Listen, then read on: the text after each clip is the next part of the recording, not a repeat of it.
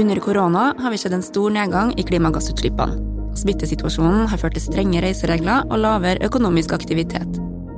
Det har medført store negative konsekvenser for veldig mange, men for klimaet så er det godt nytt her og nå.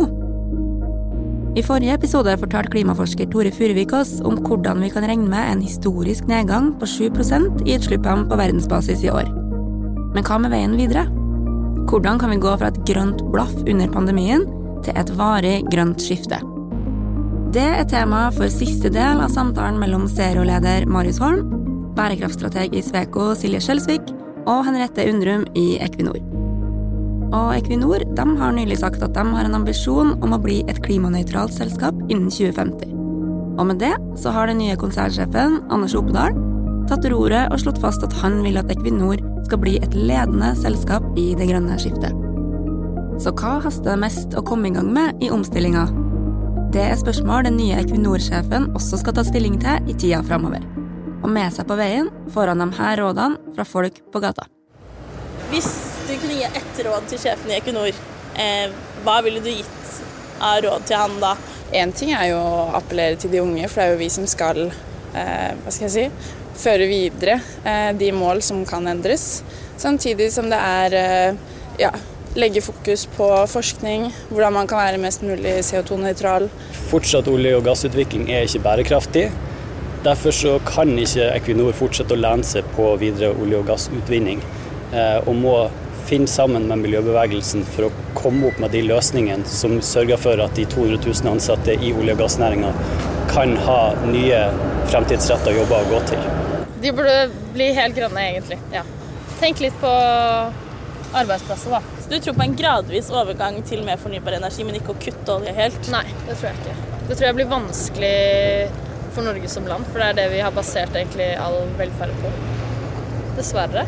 Ja, Nå må man jo bygge opp noe annet i så fall, ja, det er akkurat det. som er såpass stort og såpass sterkt. Er du positiv eh, når du tenker på fremtiden sånn rent energimessig og miljømessig? Ja, jeg er veldig positiv til fremtiden, fordi teknologien finnes der ute. Sånn som ting ligger an nå, så står det egentlig kun på vilje.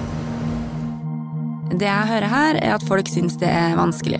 Det er mange avveininger som skal tas, og særlig vanskelig blir det når man skal begynne å ta stilling til hvordan omstilling kommer til å påvirke arbeidsplasser. Så hvordan angriper vi det her helt konkret? Hva tenker du, Marius, som leder av Miljøstiftelsen Zero? Det er jo helt riktig som han sa, at det står på viljen. Fordi vi har løsningene, og det som avgjør om vi lykkes, er hvor fort vi tar det i bruk. Og det er først og fremst beslutninger som skal til. Et eksempel vi, eh, vi, har en stor energinæring, og vi har enormt mye kapital på bok i oljefondet. Det er klart, hvis vi bestemte oss for at nå skal vi gjøre alt vi kan for å stoppe kullkraft i eh, Asia, i vekstøkonomiene der, sørge for at de får eh, alle de millioner av mennesker som ikke har strøm i dag, som skal få det, at de får den fra fornybar energi gjennom kjempestore investeringer i sol og vind og vannkraft, så kunne vi gjort det. Eh, men vi gjør det ikke, fordi det liksom litt for, høres litt for risikabelt ut, eller man er litt for redd for at det skal gå Kanskje ikke at det er litt sånn politisk risiko, så er det litt økonomisk risiko også, og så blir man sittende og, og vente på å se hva resten av verden gjør, framfor Altså, vi gjør mye, men vi, vi er veldig langt unna å gjøre alt vi kunne gjort.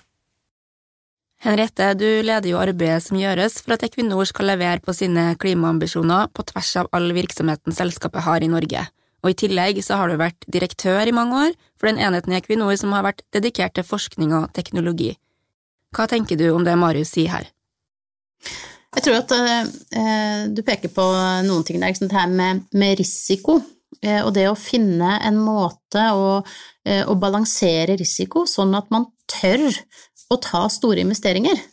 Men eh, det er jo litt sånn høna og egget, at eh, ingen vil eh, produsere hydrogen, for det fins ikke noe marked, og ingen vil lage en båt som går på hydrogen, for det fins ikke hydrogen, og så står man liksom i en sånn runddans og ser på hverandre. Og, og, en av de tingene som, som, vi gjorde her i fjor, det var jo å gå sammen med en teknologileverandør og et rederi, og sammen med de utvikle en båt som skal gå på ammoniakk, og en brenselcelle som kan bruke ammoniakk. Men da ble vi liksom enige om at oss, vi fant sammen, og så klarte vi liksom å risikoavlaste hverandre, sånn at alle turte å satse samtidig. Eh, og det er jo eh, sånne typer mekanismer. Og så tror jeg at når, når, man får opp de første som beviser at det er mulig, så kan de andre komme etter. Det tror jeg er helt riktig, og det er et veldig godt eksempel på at man eh, man endelig har turt å ta det skrittet. Og det er jo og det har jo vært politikk som har hjulpet til også der. Altså vi, både at vi har eh, CO2-avgift som gjør at det blir litt mer lønnsomt å gå vekk fra fossile løsninger, og at vi har sånn som Enova som spytter inn kapital og, støtt, og rett og slett gir støtte til prosjekter som er liksom eh, fremoverlente, som er, går et stykke lenger enn det som er vanlig og, og har høy teknologirisiko. Men, men liksom likevel så er det jo sånn at vi, vi Eh, alt det vi gjør som er veldig bra i norsk eh, klimapolitikk og i norsk næringsliv og, la meg understreke det, det er, Vi gjør utrolig mye bra greier som har virkelig framtiden for seg, men alt det vi gjør, kunne vi ha ganga med, eh, med, med, ja, liksom med, ti, stort sett. Du nevnte noen teknologier. ikke sant? Du nevnte sol og vind og batteri, og jeg tror det er veldig vektige teknologier. Eh, vi har jo en teknologi til som vi mener er veldig sentral i å løse dette problemet, og det handler jo om eh, at man skal løse problemet problemet raskt, og det er dette med CO2-fangst og -lagring. Og vi tror at det er viktig både på kort sikt eh, for å, for å begrense utslippene så tidlig som mulig, og på lang sikt for å komme til negative utslipp, akkurat sånn som du sier. Så det er jo en av grunnene for, og der, der ser vi jo på, på elbil, så har Norge vært en av de som har gått foran, og på CO2-lagring så er også Norge, CO2-fangstlagring, altså Norge et av de landene som nå går foran, og viser jo til verden at dette er en løsning, og det vi ser nå i Europa, det er jo at store industriaktører eh, vrir seg mot Norge eh, og spør om når de kan komme og lagre sin CO2 i lageret i Norge. Eh, og da begynner vi å få på en måte ting som kan komme raskt inn, før vi kan kanskje erstatte med den perfekte løsningen med fornybar elektrisitet på lang sikt. Det høres litt ut som at en grunnleggende utfordring her er at man på en måte prøver å spå om framtida hvordan teknologier som kommer til å slå an. Virkeligheten har vist at på energifeltet så er det noen ting som nå går raskere enn man trodde, mens andre ting kanskje går saktere enn det man mente for ti år siden. Så hvordan kan vi bli flinkere til å ta de smarte valgene nå? Klarer vi å eliminere den usikkerheten om hvordan verden faktisk vil utvikle seg? Vi klarer aldri å eliminere usikkerhet, men vi, vi kan eliminere én usikkerhet, nemlig usikkerheten om hvorvidt det skal være greit å slippe ut CO2 i framtiden eller ikke. Den usikkerheten kan vi eliminere ved å si at det skal vi ikke.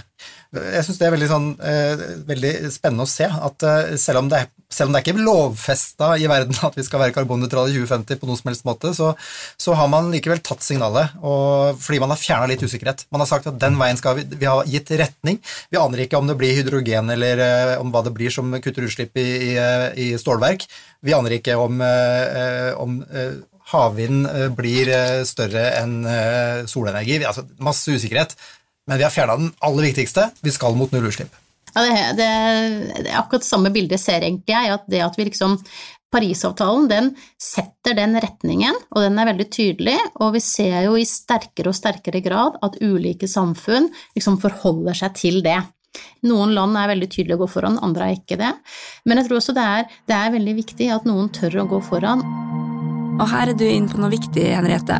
For eh, Parisavtalen setter retninga, men krever samtidig samarbeid på tvers av land, og ikke minst samarbeid innad i land. Mellom selskaper, myndigheter, organisasjoner osv. Så, så hvor er det nøkkelen til den varige endringa ligger? Er det hos politikk eller hos næringsliv? Eller er det hos enkeltpersoner som meg og deg, og dem som hører på her?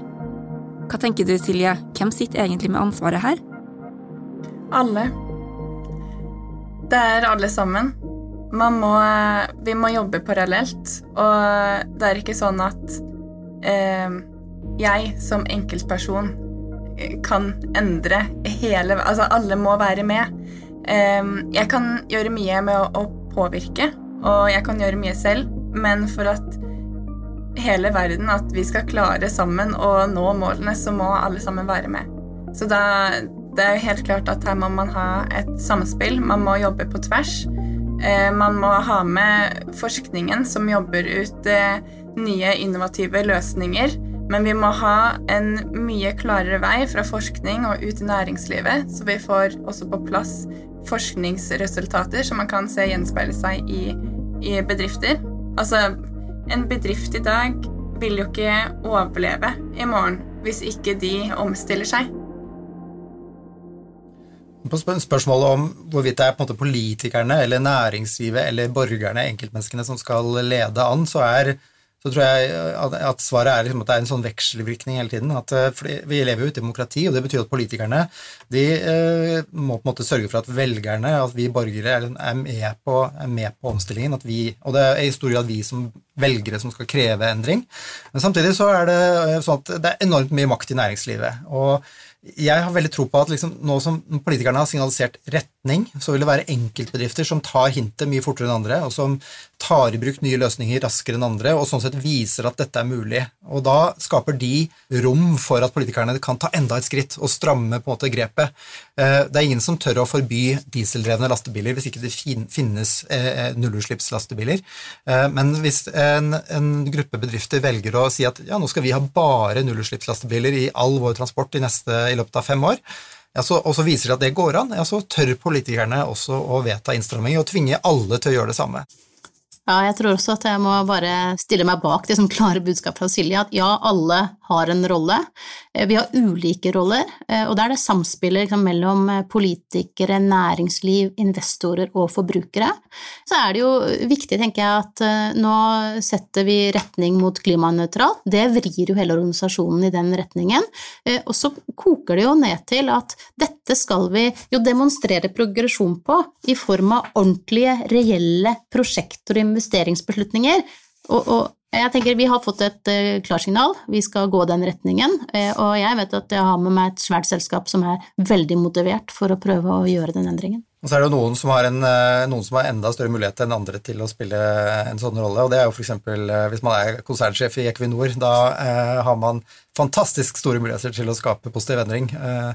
Så eh, vi har jo vært, Det er mye jeg kan være uenig om med et oljeselskap, naturlig nok, men eh, et oljeselskap som tar mål av seg å bli klimanøytral, eh, det er et sånn utrolig viktig signal om endring som jeg tror vi skal tolke ekstremt positivt. Så tror jeg vi skal, Og så skal vi ha masse diskusjoner om hvordan det målet skal nås framover.